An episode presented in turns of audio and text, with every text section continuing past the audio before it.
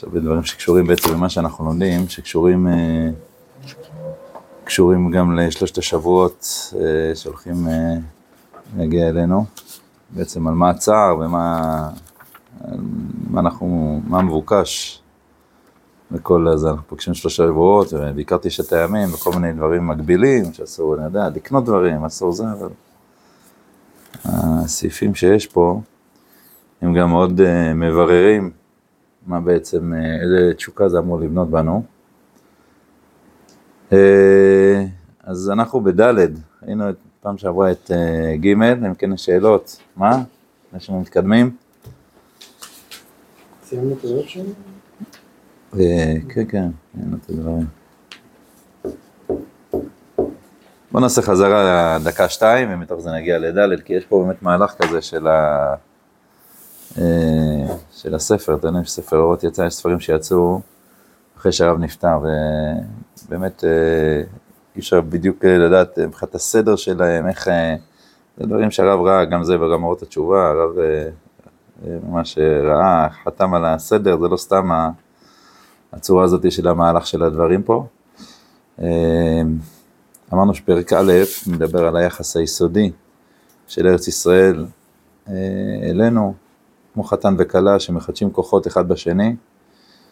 חלק ב' היה על חוכמת, ה... חוכמת הסוד, שהיא כולה מדברת על החזרה לארץ ישראל.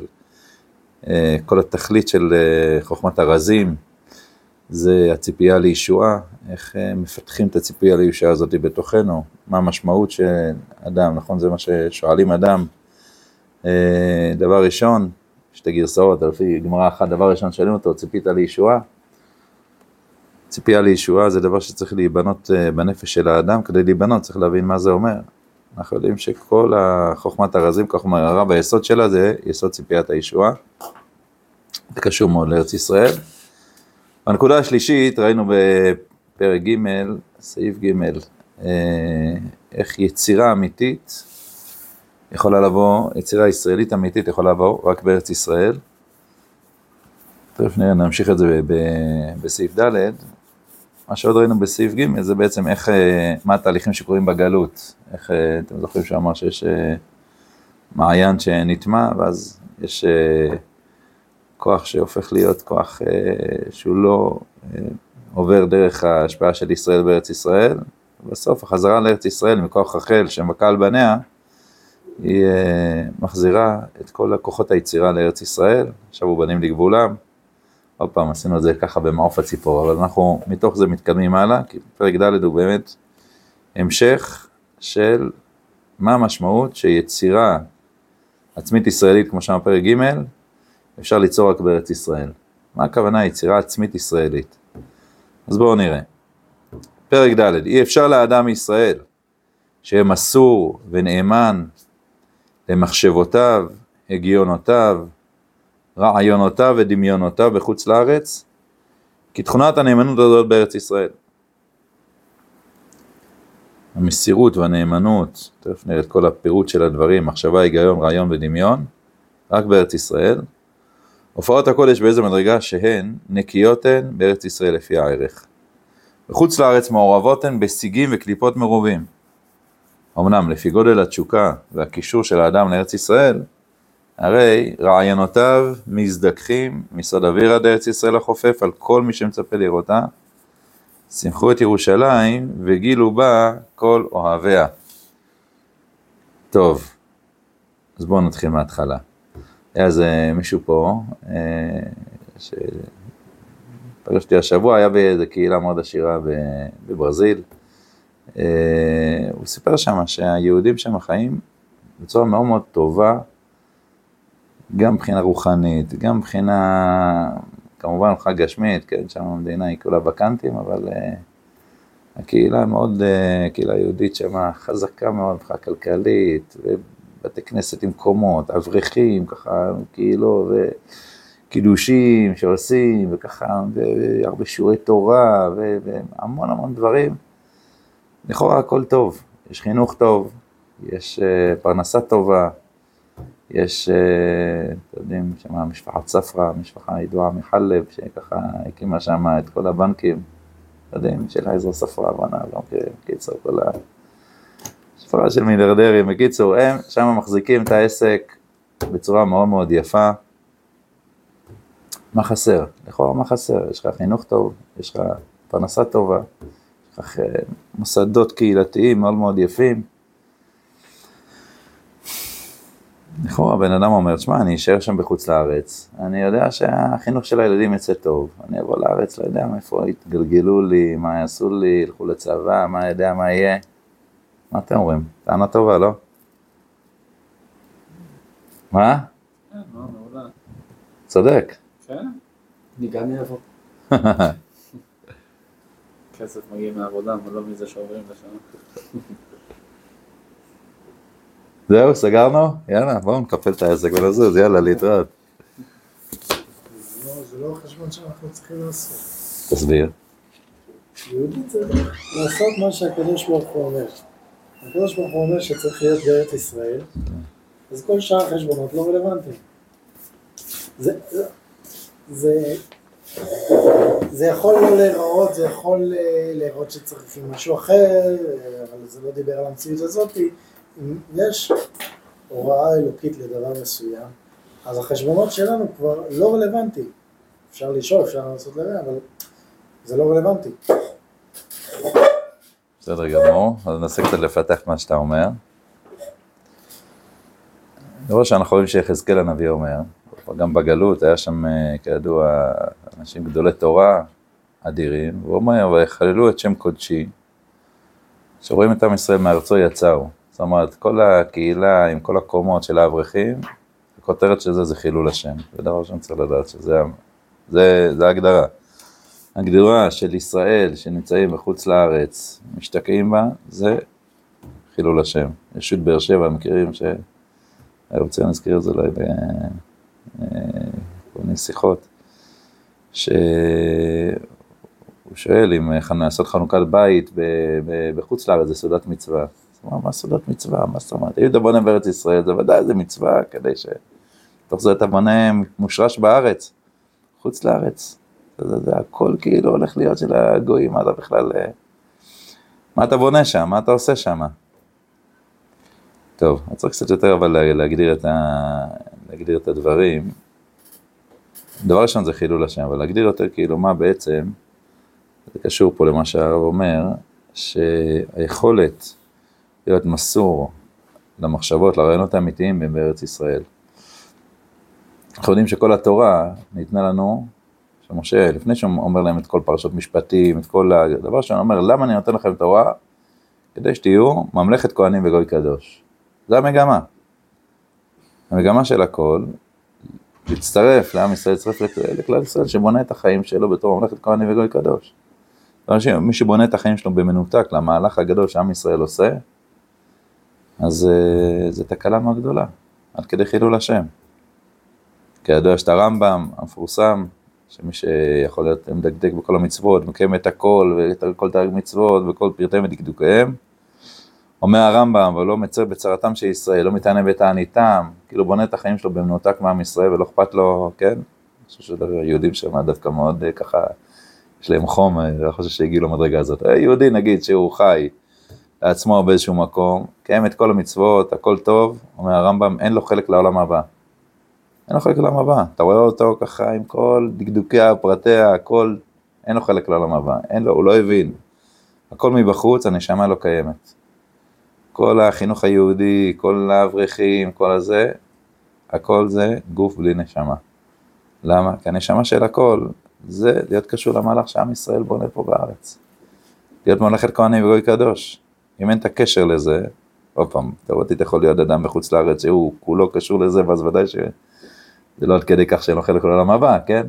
אבל אומר יחזקאל הנביא, זה חילול השם. המציאות הזאת זה חילול השם. אני אעשה קצת יותר אבל לפתח מה הנקודה הזאת של, של, של חילול השם, ואיך זה קשור בעצם לנאמנות, שיש פה איזה משהו בנאמנות נקייה, שיכולה ליצור יצירה הרבה יותר אה, מקורית ואמיתית בארץ ישראל. אנחנו יודעים שאדם שחי את חייו בחוץ לארץ, אה, כשאתה שואל אותו מה התכלית של החיים שלך בתור יהודי, אז הוא יגיד, מה זאת אומרת? אה, ברור, אני, הנשמה שלי הגיעה פה לעולם כדי להתמודד בתוך העולם הזה, יש בעולם ניסיונות, ניסיונות אולי של אה, שמה של אה, עושר, ניסיונות של כל מיני תהליכים שאדם עובר, והיא בעזרת השם תגמור את הניסיונות האלה אחרי 120, תחזור אל בית אביה, רכוש גדול שהיא רכשה מתוך כל הדברים האלה, ונזכה לעולם הבא, נכון? כמו שאפשר לטעות ולהבין את המסיעת ישרים בתחילתו, שזה התכלית של האדם היהודי, לזכות לעולם הבא באופן פרטי, נכון? ראינו את זה ביחד במסיעת ישרים. אבל האמת היא, כמו שאנחנו יודעים בכל התורה, שלא מוזכר העולם הבא הפרטי.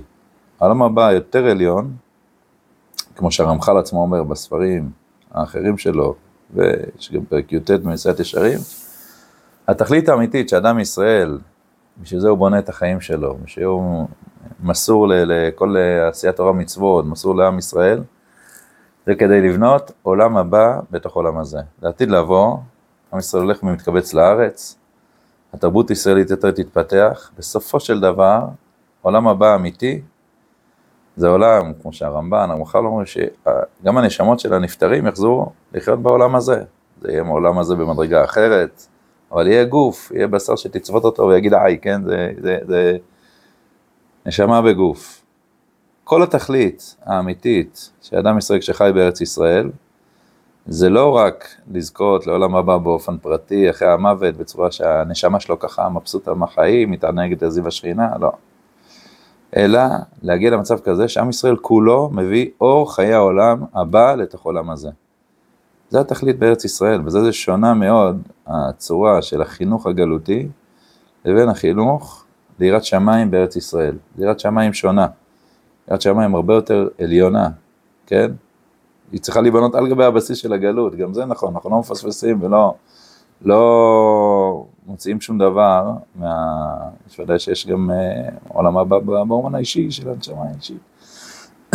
אבל עיקר מטרתנו, עיקר תכליתנו, עיקר עבודתנו, להיות סייעתא דשמיא, לעזור לעם ישראל במה שהוא נמצא, כדי להגיע למצב כזה שעולם הבא זה עולם שהולך ובא, עולם הולך ומתגלה בתוך קיבוץ נדחי ישראל בארץ ישראל, לשם אנחנו שואפים, לגלות אור העולם הבא בתוך העולם הזה, במציאות של ארץ ישראל.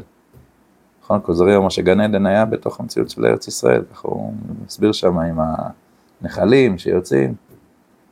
זה הכל נמצא בארץ ישראל, מציאות רוחנית שהייתה בארץ ישראל ועוד תחזור להתגלות.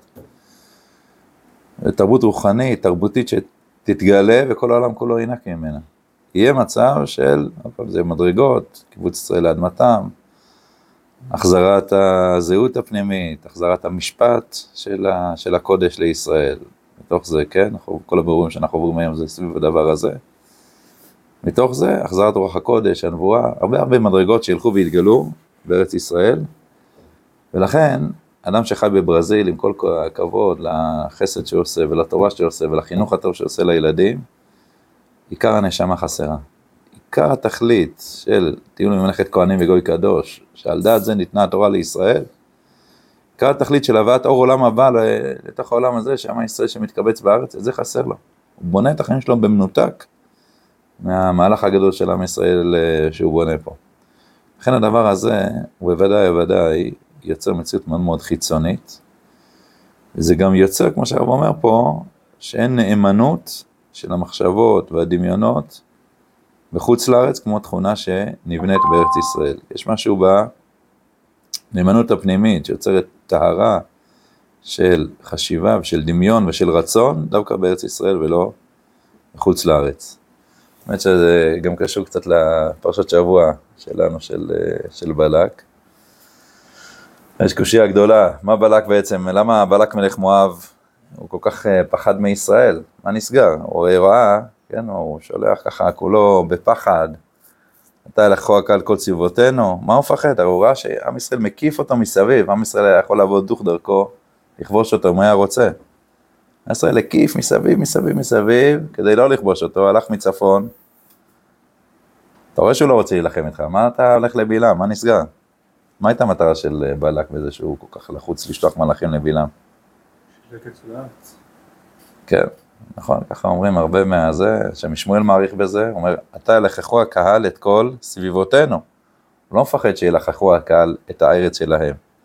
מה זה סביבותינו? מה נמצא בסביבות מואב? ארץ ישראל. הוא רוצה לחסום אותם, בגלל שהוא יודע שעם ישראל ייכנס לארץ, יקרה פה מהפך תרבותי, עם ישראל, כמו שאמרנו, כשעברו את אה, עבר הירדן, ערבות יריחו, אז קיבלו עליהם ערבות, הפכו להיות כוח כללי, ערבות של אחד על השני, דווקא מני לרעה עם אחד, דווקא מני לטובה, בזה שכל אחד מזכה את חברו במצוות, במחשבות שלו, הופכים להיות כוח אחד, מאוחד, הזכרנו, אני חושב, פעם שעברה גם, שזה לא רק בערבות יריחו, אלא בעל חסד לאברהם, סבא רבא של החידה, אומר, כל אחד שעולה לארץ ישראל, מתחדשת פה נשמה חדשה, קורא לזה שזה לא מעולם העשייה, מעולם היצירה, מעולם יותר אה, מזוכח, יותר טהור. זה קשור פה למה שאומר פה, שהרעיונות והדמיונות של הקודש בארץ ישראל הם יותר מזוכחים. יכולים, האדם יכול גם לזהם את עצמו בארץ ישראל, אין ספק. אבל יש משהו שיכול יותר להזדכך בארץ ישראל, הנשמה פשוט הופכת להיות יותר כללית, התודעה הופכת להיות יותר כללית, אדם יותר חושב על מה קורה עם העם שלי, לא רק מה הגורל הפרטי שלי, אדם, הוא לא חייב, אדם יכול גם להיות מאוד מאוד אגואיסט, הכל בארץ ישראל כמובן. אבל יש פה משהו מאוד מאוד חשוב, האמת שזה עוד פעם, זה חוזר לנקודה הזאת של כל ה... קצת לכל הסערות שעוברות עלינו על המדינה בחודשים האחרונים, שכידוע, אה, המחלוקת הגדולה בין אה, שני צדי המתרס, האם צריך דמוקרטיה ליברלית או דמוקרטיה, פשוט שהרוב מחליטים מה קורה, כן? מה בעצם הוויכוח פה? האם יש לנו מטרה משותפת בתור עם, והיחידים בעצם כולם בונים את המטרה המשותפת בתור עם, או שהמדינה, זו התפיסה האמריקאית, המדינה נועדה נטו לרווחת הפרט. כל המדינה המסגרת של מדינה, מה מטרתה? לעשות את הפרט יותר מאושר, לתת לו גב כלכלי, לתת לו גב ביטחוני, לתת לו גב תעסוקתי. בקיצור, המדינה מטרתה כמה שיותר לגרום לאדם הפרטי להיות מאושר. ואם זה ככה, באמת אפשר ללכת לברזיל, שם לפחות הקהילה היהודית, המדינה שם על הפנים, אבל הקהילה היהודית, באמת במובן הפרטי, יש שם הרבה יותר אפשרות אה, טובה להתפתח. אבל uh, אנחנו יודעים שזה ודאי, כן, שם הם כאילו הגדולי ה... באוניברסיטאות וזה ממש, זה הנקודה העיקרית, אומרים, אחרת אנחנו הופכים לפשיסטים. אם זה אתה אומר, שיש מטרה נוספת למדינה מעבר לתת רווחה, זה, זה פשיזם, זה פשוט דבר נורא, זה צריך כאילו ממש להילחם נגד זה. אבל אנחנו יודעים שזה לא ככה. אנחנו יודעים שזה לא נכון, זה לא אמיתי. מה זה פשיזם? מה זה פשיזם? פשיזם זה כאילו לאומנות ש, שיוצאת באלימות הזה, זה עצמו קצת העיוות של מעשה הפשיזם, כן, את הפשיזם הנאצי, חס שלום, הרבה דברים, כן, אבל כאילו, מה שרואה את הלאומנות שלה בתור סיבה להרוג את כל מי שסביבה נגד איזו צורה מאוד אה, שטחית, בסדר? אבל ודאי שזה לא ככה. המטרה של הדמוקרטיה זה ליצור מה הרוב של העם איך הוא רוצה לבנות את המדינה שלו. למדינה יש ערך מעבר לתת לחיים הפרטיים של האדם, אה, מה שאנחנו יודעים, המדינה היא יסוד כיסא השם בעולם ושם אנחנו שואפים. המטרה שלנו זה ליצור אה, מדינה שהיא יסוד כיסא לקודש, שיחול בעולם, שהקודש הזה יחול בתוך השיקולים הכלכליים והצבאיים, וככה ינחה את החיים. איך זה מתבטא במחלוקת שעכשיו? כי אם אתה אומר בעצם, כן, מה שנקרא דמוקרטיה ליברלית, הכוונה שהמטרה של הדמוקרטיה זה בעצם לתת לכל אחד פשוט את זכויות הפרט שלו, שזה תכלית, זה כל מה שיש בדמוקרטיה. לאפשר לכל אחד את הזכויות הפרט שלו, בצורה כזאת שהוא משוחרר מכל אה, דבר אחר. מה שעומד ביסוד התפיסה הזאת, שאני לא רוצה שיהיה לי זהות לאומית שמצמצמת אותי בתוך כאילו איזה משהו שמכווץ אותי לתוך איזה זה, באירופה היום זה מאוד מקובל, האדם לא קורא לעצמו בתור צרפתי, אני אזרח האדם, העולם הגדול. חי בצרפת, חי באנגליה, אבל הזהות שלי זה אזרח העולם הגדול, כן? שזה ביטוי שכתבו את זה באנגלית על זה. בסדר? פעם, יש הרבה קשת רחבה, ואני מציג את התפיסה הכי אה, קיצונית, אבל המדינה, המטרה לתת את הרווחה לכל אזרח, ככה זה באמריקה. לא אכפת לי מי אתה, לא אכפת לי מה הזהות שלך.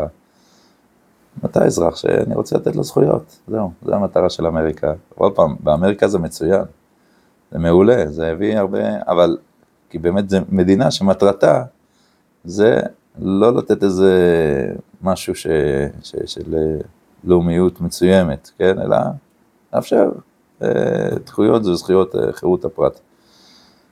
זה חשוב, החירות היא יסוד החיים שלנו, אני לא בא חס שלום לזלזל בזה. זה גם חשוב להגדיר טוב, אה, כשאנחנו מדברים על לאומיות, דמוקרטיה שהיא דמוקרטיה לאומית, אנחנו לא מגיעים לדמוקרטיה לאומית במובן הזה של לאומיות שחס שלום, היא מוחקת את, ה... את הכוח הפרטי של האדם. מה תמיד אנחנו ממשילים את כל נשמה בישראל? כל אחד הוא עוד בספר תורה, נכון? חז"ל ממשילים את זה. כל עוד בספר תורה היא שונה מהשנייה. אף אחד לא עולה על השני, כי אם עוד אחת תעלה על השנייה, אז היא תמחק אותה והכל ייפסל. אנחנו לא מדברים על לאומיות כזאת שכל אחד הוא עבד ל, ל, ללאומיות ואין לו את החירות שלו, את האישיות שלו, את העצמיות שלו. זה מה שהרב מונה פה, שאדם צריך, צריך להיות מסור ונאמן למחשבותיו וגיונותיו, יש משמעות מאוד גדולה וחשובה, שכל אחד יהיה, יוציא לפועל את המחשבות, ההגיונות שלו, זה לא איזה פועלים סינים כדי ליצור איזה מפעל אה, לאומי שהוא חסר אה, קשר של כל אחד לעצמו, כן? זה מאוד מאוד חשוב, כל אחד הוא אות שונה בספר תורה, וכל אות בונה יחד עם חבר המילה, והמילה מול, בונה פסוקים, הפסוקים בסוף מטרתם ליצור ספר תורה כללי, והספר תורה כללי הוא ספר שיש בו אור אדיר לכל אות ואות, בשונה מחברתה, שהיא לא עולה על חברתה ולא נמחקת מחברתה. אבל המטרה בסוף של כל האותיות זה להכשיר את ספר התורה הגדול, כן? לבנות את אה, אור השם הגדול שצריך להיגלות במדינה שלנו. בסדר? אז זה מצד אחד זה לא, חס שלום, לא לאומנות פשיסטית, אני יודע, אפשר לקחת את ה... אולי את רוסיה היום, כן? שאתה רואה, שולחים למלחמה בלי שאחד מבין, וכולם צריכים להיות עבדים לזה, לא לשם אנחנו רוצים. אנחנו גם לא רוצים להגיע לאמריקה. יש לנו את הכוח הישראלי שלנו.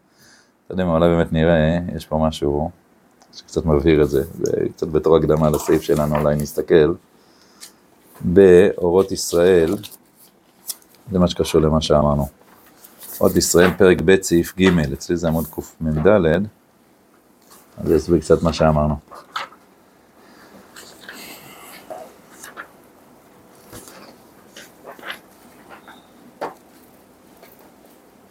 כן, בעצם היחס של השבטים ליעקב, הוא מדמה את היחס של הפרט והכלל בעם ישראל בכלל, זאת אומרת, זה שיש לכל אחד איזה זבולון יכול להיות. אצלי קמ"ד, זה פרק ב', סעיף ג', באורות ישראל, כן? בקיצור, כל שבט יש לו את העניין שלו, יששכר זה עניין אחד, זבולון דבר אחד, יש יהודה, יש אשר, יש כל מיני. טוב, אז ככה זה גם בכלל, באופן כללי, מה היחס של הפרט והכלל בישראל. אומר הרב, היחס של כנסת ישראל ליחידיה הוא משונה מכל הייחוסים של כל קיבוץ לאומי ליחידיו. יש משהו שונה בהזדהות של אדם מישראל ואדם בארץ ישראל, כמו שאמרנו, שמקבל נשמה יותר כללית, מאשר כל קיבוץ לאומי ליחידיו. בוא נראה. כל הקיבוצים הלאומיים נותנים ליחידיהם רק את הצד החיצוני של המהות. אבל עצם המהות זה שואב כל אדם מנשמת הכל. נשמת אלוקים שלא באמצעות הקיבוץ, מפני שאין לקיבוץ חטיבה אלוקית, שהמגמה האלוקית עצמית שרואה בתוכו. בואו ננסה להבין. כל הקיבוצים הלאומיים כן, צרפת, אמריקה, כן, נותנים ליחידים, מה המשמעות שאני אמריקאי ולא צרפתי? יש לזה משמעות, כן, נגיד מישהו צרפתי, אז הוא כאילו, אה, יש לו משהו בצד התרבות הצרפתית, אני יודע, יש... אנגליה יש להם את ה... עכשיו איזה מלך, עכשיו עשו מזה טקס שלם, השקיעו. יש משהו שהם רואים, שהם קשורים למסורת הלאומית, האנגלית, הצרפתית, מצוין, זה הצד החיצוני של המהות. אבל עצם היצירה, כמו שהוא דיבר אצלנו בפרק, הנאמנות ליצירתיות הפנימית של האדם, זה לא קשור ללאומיות. זה דבר כללי. עצם המהות שאוהב האדם נשמת הכל. נשמע אלוקים שלא באמצעות הקיבוץ. כאילו זה לא כמו בישראל, כמו שאמרנו, שהאות שלו זה אות שמטרתה להיכתב בספר תורה של עם ישראל. יש לי את הנשמה האישית, והמעטפת היא הלאומיות שבה נמצא. והנה חינם, הנה יעבור מצרפת לאנגליה, אחרי שתי דורות, זהו, נכד שלי כבר ישכח שהיה בצרפת, ועכשיו הוא יהיה שייך לתרבות האנגלית. כן? יכול להיות שהגלובליזציה מתקדמת, אז גם יש קצת פחות משמעות לדברים האלה. האינטרנט מחבר את כולם, אז אה, בקיצור, קצת פחות המשמעות החיצונית הזאת היא משחקת. ככה זה בכל העמים כולם, בסדר? המשמעות האישית של האדם לא קשורה מבפנים, הנאמנות שלו לא קשורה, לעצמיות שלו, היא לא קשורה בעצם לאיזה לאום. הלאום נותן את המעטפת החיצונית. כן. לא כן בישראל, הנשמה של היחידים נשאבת ממקור חיי עולמים באוצר הכלל, והכלל נותן נשמה ליחידים, נכון? כמו שאנחנו מכירים בנפש החיים במקומות אחרים, יש בעצם, כל נשמה יחידית היא בעצם קרן אור מהמקום של, שנפש החיים קורא כנסת ישראל, מקום שבו מכונסים כל נשמותינו ביחד, זה נקרא כנסת ישראל, או מקומות אחרים, השכינה, מקום שבו הקדוש ברוך הוא שוכן בעולם, זה מקום הכינוס של נשמות ישראל יחד, כנסת ישראל, משם כל הנשמות נשלחות לכל נשמה וגוף יחיד, בסדר? אבל עומק החיים שלנו, אם נעמיק בחיים שלנו בפנים, נמצא את הקשר שלנו במקום שבו מכונסות כל נשמתנו יחד, במקור כנסת ישראל. עכשיו, האדם בעצם שואב את החיים שלו, כן, מהמקום הזה. הכלל נותן נשמה ליחידים. הכלל הוא האידיאל של עם ישראל, גם האידיאל של לעברו צועדת מדינת ישראל, זה מה שנותן את כוח החיים ליחידים. לא הפוך, המדינה היא לא מעטפת חיצונית שבאה לתת רווחה לפרט, אלא כל אחד הוא בעצם יונק את חייו מתוך שמה. עכשיו זה חיים ייחודיים לכל אחד, אנחנו לא, עוד פעם, זה לא עבדים סינים. אבל אם יעלה על הדעת להינתק מהאומה, צריך הוא לנתק את נשמתו מכוח חיותה וגידולה, אם משום כך, הוא גדולה משום ההזדקרות שכל אחד מישראל נזקק לכלל. הוא מוסר תמיד נפשו, טוב, זה עוד ממשיך, אבל יש ההזדקות שלי, של כל יחיד לכלל, זה משהו שונה מאוד מאוד בין עם ישראל לבין העמים האחרים, בסדר? לכן כאילו זה מאוד מובן, מה שהנאמנות, לה, כמו שהרב אצלנו, נרגע אלינו, שאומר, אתה רוצה להיות נאמן למחשבותיך, הגיונותיך, זה יהיה שונה לגמרי בחוץ לארץ, ששם אנחנו נחשבים, כמו שגר אומר, כמו עצמות שכבר נפרדו מה, מה, מה, מהגוף הכללי, רקובות בקבר, כל העצם הלכה לעצמה, לבין המצב של כל העצמות מגיעות לארץ ישראל, ויש רוח שמחיה אותם ביחד, אז הנאמנות לרעיונות, לדמיונות, היא הרבה יותר מזדככת בארץ ישראל והרבה יותר, אדם יכול נאמן לעצמו, כי העצמיות שלו, כמו שראינו, היא קשורה לאידיאל שכל עם ישראל הולך לשם. בסדר? נחזור רגע לבלק ובלעם, אז מה הוא בעצם פחד? אומר השם משמואל, הוא חשש בדיוק מהנקודה הזאת, הוא חשש מהכניסה של עם ישראל לארץ ישראל, שבעצם יהפכו להיות כוח אחד כללי, זה ישפיע גם, מה איך לבאר, זה ישפיע על כל uh, המציאות של, uh, של התרבות, בעצם זה הופך, זה יאפס אותו. הוא ידע שכשעם ישראל ייכנס לארץ, האור הגדול שיצא מתוך המציאות הכללית שכולם משותפים בה, uh, ומה שהם יגיעו בארץ, הקודש הם יחשפו בארץ ישראל, כוחות הנבואה שישרו בכל ישראל. זה יעלים אותו, כן? עתיד לבוא באמת, דרך אגב, אחרי שעם ישראל, אה, עכשיו כשהם הולכים בדרך לארץ ישראל, אז אסור לקחת את אדום, אומר אל תצור את אדום, תקיף אותו, זה אחיך. עמון ומואב, גם בנות לוט, עוקפים אותם. לא תלבוא, קיני, כניזי וקדמוני, כתוב שעם ישראל זה עוד שלושה אה, מלכים, שלוש מדינות שעם ישראל עוד לעתיד לבוא יבוא, יעלו מושיעים בארץ ציון משפט הריסיו, כן? יעלו להר אדומות. מכל מקום, כבר בכניסה לארץ ישראל, הוא כבר יודע שהעוצמה של הקודש התרבותי שעם ישראל יחשוף, שיגיע עד כדי מצב שיש בימי שמואל, שבטים של המון נביאים שמגיעים, וזה פשוט יגמור את מואב. לכן הוא אומר שזה הולך לבלעם, בסדר? איך תקלל אותם, שלא ייכנסו לארץ ישראל. זה עיקר הפחד שלו, שיאכלו, שיאכלו את סביבותינו. דרך אגב, מה זה? מה זה מפריע לו? לא יהיה לו חיים. לא, לא, הוא יודע שזה כבר יאפס לו את החיים. לא יהיה משמעות לחיים שלו בתור אה, זה. כל, ה... כל. הצדדים של הלאומיות שלו ששייכים לצד האגואיסטי, לצד הרשעתי, זה, זה פשוט זה יקרין עליהם בצורה כזאת שכבר לא יהיה בסיס לחיים שלו. לא יהיה בסיס לחיים שלו. לכן הוא לוקח את בלעם שיקלל אותם. יש, מורה בארי, הרי כתוב, הגמרא אומרת בברכות, שידוע שהוא רצה, כתוב, אה, מה יזעום, לא זעום, כל זועם בכל יום. הוא רצה לתפוס, יש איזה רגע מסוים, ככה הוא, בלעם כידוע היה מאוד מאוד כישרוני, רצה לתפוס את הרגע שבו יש אה, כביכול זעם על ישראל, ואז את הרגע הזה לפתח ושם לקלל את ישראל, נכון? מה שגמר בברכות. אה, מה שמבואר אה, בספרים, שבעצם הזעם הזה, ש...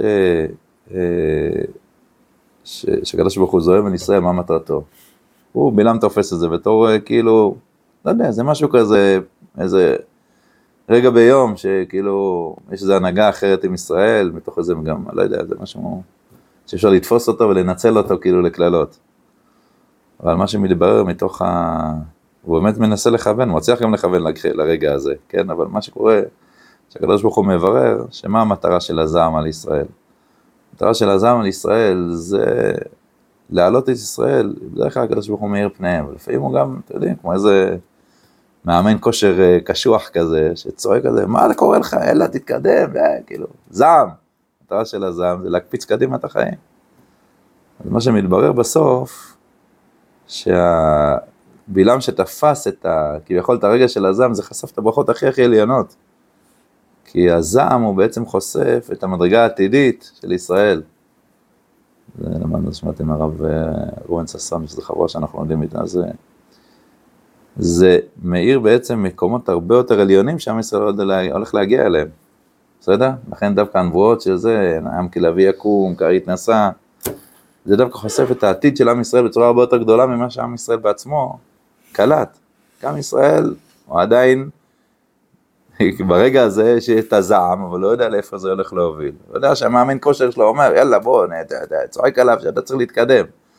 אבל הוא דווקא שתפס את הרגע, אז הוא תפס לאיפה עם ישראל הולך לעתיד, כן? כל המציאות, אה, השם אלוקיו עמו, תרועת מלך בו, כל הנבואות העתידיות האלה, זה דווקא בלעם תפס מתוך הרגע של הזעם, שהתברר מה מטרתו של הזעם הזה. מטרתו של הזעם הזה זה ההתעלות העתידית של עם ישראל. יותר מהרגעים האחרים, הרגע של הזעם מקפיץ אותנו קדימה. בסדר? מובן שאמרתי, זה קצת... אה, טוב, אז זה בעצם המטרה ש... שבלעם ובעלה כל כך מפחדים מארץ ישראל, לכן מנסים בעצם לעצור את העתיד שלהם, ובסוף זה רק מקדם, מקדם את העתיד של ישראל קדימה. אה, בואו נראה אולי עוד דבר בקשר לזה, ואז נחזור לסעיף שלנו. בואו נראה שנייה באורות התחייה כ"ח, זה גם מאוד מסביר את ההקדמה האחרונה לפני שנחזור אלינו. אורות התחייה כ"ח, אצלי זה עמוד ע"ז, אני קצת אסביר את ה...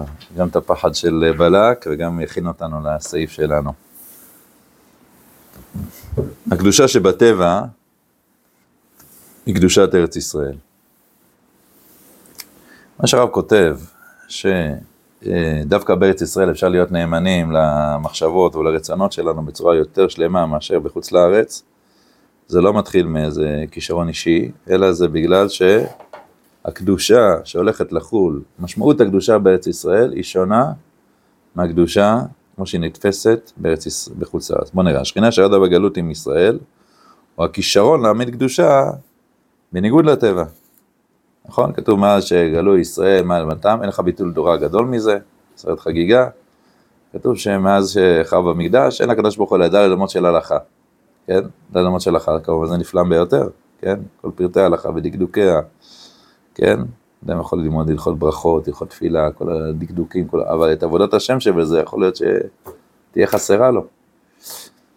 אדם יכול לעשות המון המון מצוות, אבל אנחנו יודעים שכל מצוות של הגלות הם uh, הציבי לך ציונים, כמו שאמר הרמב"ן בהרבה הרבה מקומות.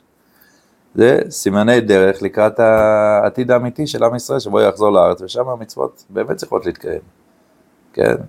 כל מיני ביטויים, זה פי 20, פי זה, לא משנה הדבר הכמותי, אבל המטרה של המצוות האמיתית זה לא לשבת בברזיל, אלא להיות עשיית המצוות כחלק ממלאכת כהנים וגוי קדוש שנבנית. לכן, השכינה שירדה בגלות זה הכישרון להעמיד קדושה בניהול הטבע. בגלות הטבע הוא טבע שמסיח את הדת למקומות אחרים לגמרי. טבע שמטרתו לבנות את אה, אוויר ארץ העמים, לבנות את הידיעה שלנו, אתה בעצם עבד למה שבפולין או במרוקו או באמריקה רוצים אה, לפתח את עצמם, ואתה בעצם חלק מהכלכלה הפולנית, המרוקאית, המצרית, הרוסית, בעצם אתה עבד, כל מה שאתה בונה בניינים, צולל כבישים, כל זה מפתח את הכלכלה שלהם, את המשק שלהם, כן? לעומת זאת, אומר חתם סופר, כשחוזרים לארץ ישראל, אז בועז, כידוע ברות, הוא כותב שהוא בא להיות בגד, מה אתה עושה שם? אתה גדול הדור, מה אתה בא? אומר, זה כן, זה כמו להניח תפילין, ככה אומר חתם סופר, כן? להיות, להיות שייך לזה, כמובן, כל אחד יש לו השליחות שלו, אבל באופן עקרוני, זה, ככה אומר חתם סופר, כשאדם עוסק באומנויות בארץ ישראל, הדבר הזה הוא כמו מצוות הנחת תפילין, עד כדי כך. אז עוד פעם, הקדושה שבטבע, קדושת ארץ ישראל, השכינה שעדה בגלות, עם ישראל, הכישרון להעמיד קדושה בניגוד לטבע, נכון? כתוב שהשכינה ירדה לגלות, נכון? שאנחנו רואים בסוכות, אנחנו אומרים, אני והוש יענה, כן, יש שם כהושת הזה, ככה, כאילו השכינה ירדה לגלות והיא חוזרת איתנו כשישראל מתקבצים לאדמתם, השכינה חוזרת. משמעות השכינה חוזרת? זה לא איזו ישות תיאורטית שחוזרת, אלא הכוונה, השכינה, שהיא בעצם הופעת הקודש שבגלות, שהייתה, כמו שאמרנו מקודם, מתוך איזו ידיעה להגיע לעולם הבא פרטי. וכמו שאומר פה, להעמיד קדושה בניגוד לטבע, קדושה שיודעת להילחם, להעמיד עמדה נגד הטבע, זה כישרון מאוד חשוב, זה השכינה שבגלות. חוזרים לארץ ישראל, המטרה היא לחשוף את הקדושה שחלה בטבע. כן, אנחנו יודעים ש... שאנחנו מתפללים את כל התפילה, שהגמרא אומרת שזה בעצם סדר גאולה, ארץ ישראל נותן פירותיה בעין יפה, זה הדבר הראשון. הטבע, כשהוא מרגיש שעם ישראל מתחיל אה, לחזור, הטבע מתחיל להתעורר. מתוך זה קיבוץ נדחי ישראל, מתוך זה השבת המשפט, וכל החטאת המינים, ובניית ירושלים, כל המהלך של ברכות התפילה, בעצם להכיל את הקדושה של ישראל בתוך הטבע, בתוך כל מיני תבואתה לטובה, כן? אז אה, כן, זה בעצם הקדושה, ההבדל בין שכינה שירדה לגלות לבין השכינה שחוזרת לארץ ישראל. זה לא אותו דבר, כן? כי אנחנו אומרים, חז"ל אומרים, עתדים, בתי כנסיות שהיו בגלות, להיקבע בארץ ישראל, כן? אפשר להגיד, מה הכוונה? אוקיי, זה היה במיר. עכשיו, אותה מיר חזרה לארץ ישראל, אבל זה אותו, אותו מיר.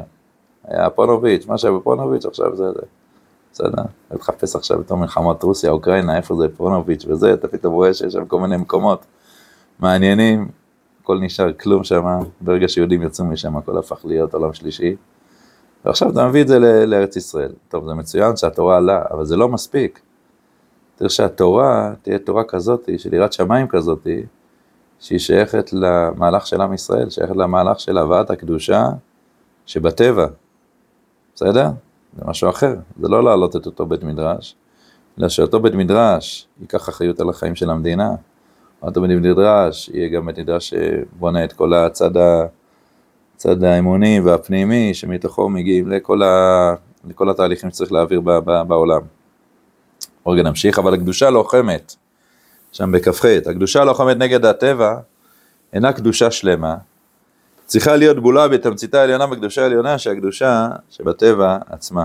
זאת אומרת, הקדושה הגלותית, כמו שהתגלתה, היא לא יכולה להישאר ככה, כן? היא חייבת להגיע למצב הזה של הקדושה שבטבע עצמה. אנחנו יודעים שכל ה... בבית המקדש המנורה עומדת אל מול פני המנורה, זאת אומרת, המנורה חייבת להיות מול הפרוכת, מול ארון העדות.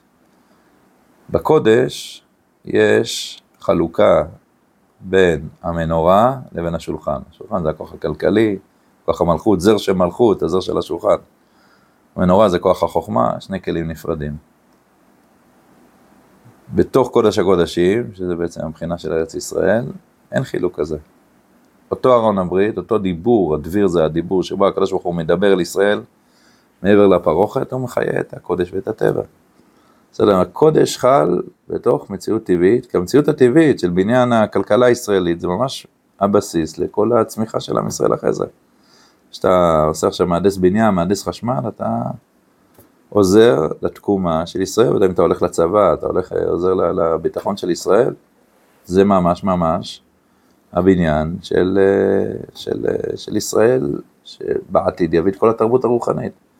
בוודאי שיש מדרגות, יש, יש קודש ויש טבע, גם בארץ ישראל, זה לא, זה לא שהכל סלט, אבל המטרה היא בעצם לחשוף את הקדושה שבטבע, שיעשו תיקון העולם כולו ויישומו הגמור. הקודש שבגלו יחובר לקודש של הארץ, עתידים, בתי כניסות, הנה זה אצלי בתי מדרשו באבלי שיקבעו בארץ ישראל. בסדר? יש בה קדיש, זה הקדישא דיבער הקדישא, דיברת הקדישא עדן, כן? זאת אומרת, יש ארץ ישראל, מדרגה מיוחדת. טוב, נראה שכבר הזמן קצר, נחזור לסעיף שלנו. בסדר? אז זה בכל אופן, מזה בלעם, אה, מזה בלק חשש, שישראל יגלו את הקדושה הזאת, וזה ימחק אותו. נחזור אלינו. אי אפשר לאדם מישראל, כל זה היה הקדמה, שיהיה מסור ונאמן למחשבותיו, הגיונותיו, רעיונותיו ודמיונותיו בחוץ לארץ, כי תכונת ההימנעות ישראל, נאמנות זה כוח מאוד מאוד מיוחד, זה אומנותי. אומן אמיתי זה אומן שהוא נאמן, מה הכוונה? הוא נאמן, כן? נאמנות מלשון אומנות, כן? הוא נאמן למעמקי חייו הטהורים. אדם שחושף איזו יצירה מוזיקלית, הוא יכול לעשות כאילו, יאללה, מה שתופס היום, בוא נעשה מנגינה שכולם כאילו, יהיה להם אקשן לרקוד עם זה בזה, ואדם יכול לחשוף משהו שנאמן לעצמיות הכי טהורה שלו. בישראל אפשר לחשוף מעמקים שונים, כמו שאמרנו בעל החסד לאברהם, זה לא מעולם עשייה, מעולם היצירה. אדם יכול לחשוף משהו הרבה יותר עמוק בנאמנות שלו, הוא נאמן הרבה יותר למעמקיו. אז זה בעצם, עכשיו יש פה ארבע מדרגות, מחשבותיו, אדם לא יכול להיות נאמן למחשבותיו, הגיונותיו, רעיונותיו, דמיונותיו. מה ארבע המדרגות האלה? אולי תסבירו לי. למה צריך, זה סתם איזה חזרה? אדם מישראל הוא מסור לכל ארבע המדרגות האלה דווקא בארץ ישראל, הרבה יותר מאשר בחוץ לארץ. מחשבה זה כאילו משהו מאוד מעשי, מאוד כאילו מוגדר. כן. הגיג זה כאילו משהו טיפה יותר, אה, כאילו כיוון כזה. דמיון זה בכלל איפשהו, בכלל משהו מופשט לגמרי.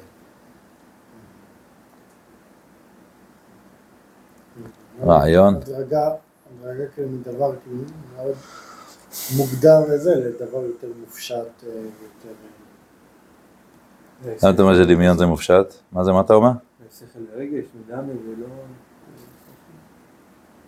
לא נתחיל באמת במדמה, כן, נתחיל מהסוף, אז הדמיון, האמת שיש גם הרחבה בזה בסעיף A, דמיון זה בעצם כוח שאדם, הוא יכול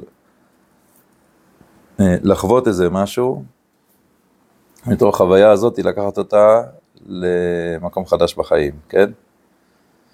בגמרא מידע מילתא למילתא, אדם בעצם ראה דבר מסוים, הוא קלט את היסוד שלו, הוא לא נשאר בצד החיצוני שלו, ואז הוא יודע לדמות, אם זה בישול בחמה, אם זה כמו מיקרוגל, זה כמו בישול בחמה, בישול אה, באש, הוא יודע כאילו לדמות, כן, דוד שמש, זה במובן של הסוגיה, דמיון. אבל מה זה דמיון? דמיון בעצם איזו חוויה מאוד חזקה, שהיא מפעילה, היא בעצם יוצרת אה, אצל האדם איזו תיאורות של חיים. אדם שחווה משהו לא רק בשיעור תיאורטי, אלא הוא פגש איזה מישהו מיוחד, חווה איזה חוויה מיוחדת, זה פעל על כוח הדמיון שלו, כן? כוח הדמיון של האדם יכול להיות גם לדרדר אותו, אדם שחווה איזה חוויה יכול, יכול להיתקע שם, להישאר בתור בור תחתיות, אבל דמיון שהאדם פגש, אדם חי, אני יודע, פגש את רב אריה לוין, זה מרים לו את החיים, אחרי שרב אריה לוין עכשיו הוא כבר לא פוגש אותו, אבל הזיכרון החווייתי זה יוצר אצלו את הכוח להימשך למדרגה הזאת של אהבת חסד הגדולה שלו, גם כשהוא לא נמצא שם. הדמיון הוא בעצם מנכיח לך את מה שחיית, והוא מאפשר לך כאילו לשאוף קדימה עם הדבר הזה, כן? זה הכוח של הדמיון. דמיון הוא מיוחד, אנחנו נראה בעזרת השם שזה קשור גם לכוח הנבואה העתידי, אבל הוא יכול להיות מאוד מזוהם, הדמיון יכול, הרי מה כל הפרסומות וזה, למה, מה הם עושים עם כוח דמיון, מעבירים אותך איזה חוויה, דרך החוויה הזאת יכול להיות חוויה יצרית, חוויה אחרת, דרכה אתה תרצה לקנות את מה שהם רוצים למכור לך, בסדר? אתה כוח תחווה את זה וזה, שאתה, נכון? יש דברים שאנשים אומרים נתונים שכליים, או הפרסומות, זה לא מתאים, זה שיר, תמונות, לא יודע מה, כל מיני דברים שיוצרים אצל האדם חוויה חזקה שבגללה הוא עכשיו הוא הולך להחליט כל מיני החלטות בחיים שלו מכוח חוויה שלו.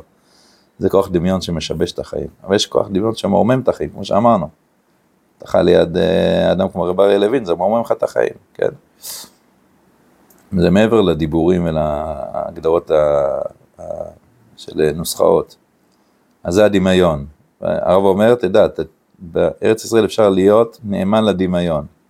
זה יורחב יותר בחלק A, בפרק A, אבל זה דבר אחד.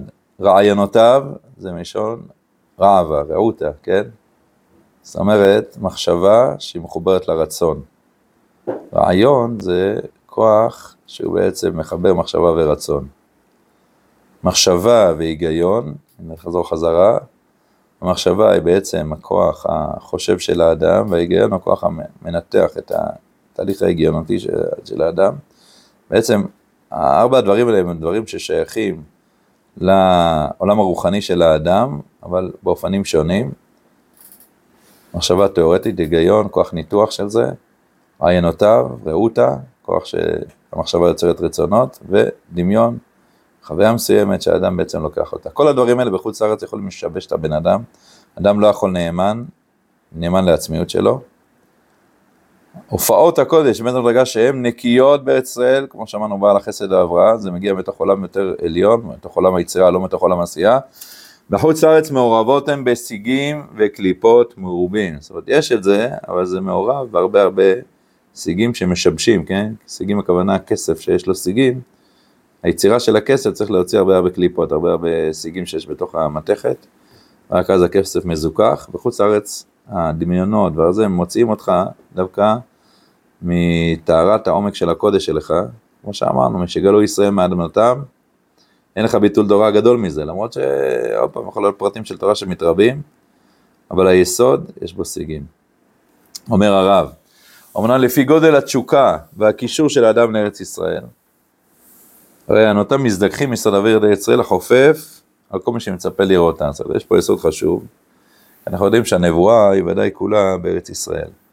אבל הכוזרי גם אומר שיש מציאות מסוימת, כמו יחזקאל למשל, שכשהוא כולו, נמצא אומנם בגלות, אבל הוא כולו מסור לארץ ישראל וכולו השתוקקות להגיע לארץ ישראל, יש גם, יכול להיות באופן זמני כוח נבואי כזה. זאת אומרת, יכול להיות מציאות כזאתי, שארץ ישראל מקרינה גם על אדם שהוא כל כך קשור וכל כך משתוקק לארץ ישראל, אז רעיונותיו, זה לא רק שזה גורם לו עכשיו, אני יודע, לראות סרט על הנופים של ארץ ישראל, הרעיונות שלו, המחשבות שלו,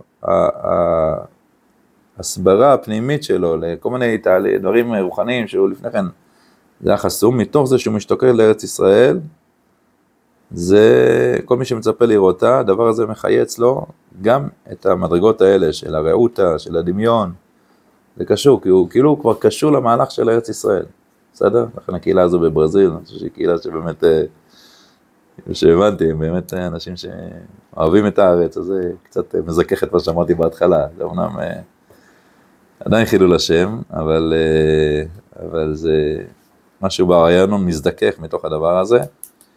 שמחו את ירושלים יגילו בה כל אוהביה. אז אנחנו אומרים, אחד החי בה ואחד המצפה לראותה, זאת אומרת גם מי שמצפה לשמחת ירושלים, הדבר הזה גם מזכך אותו.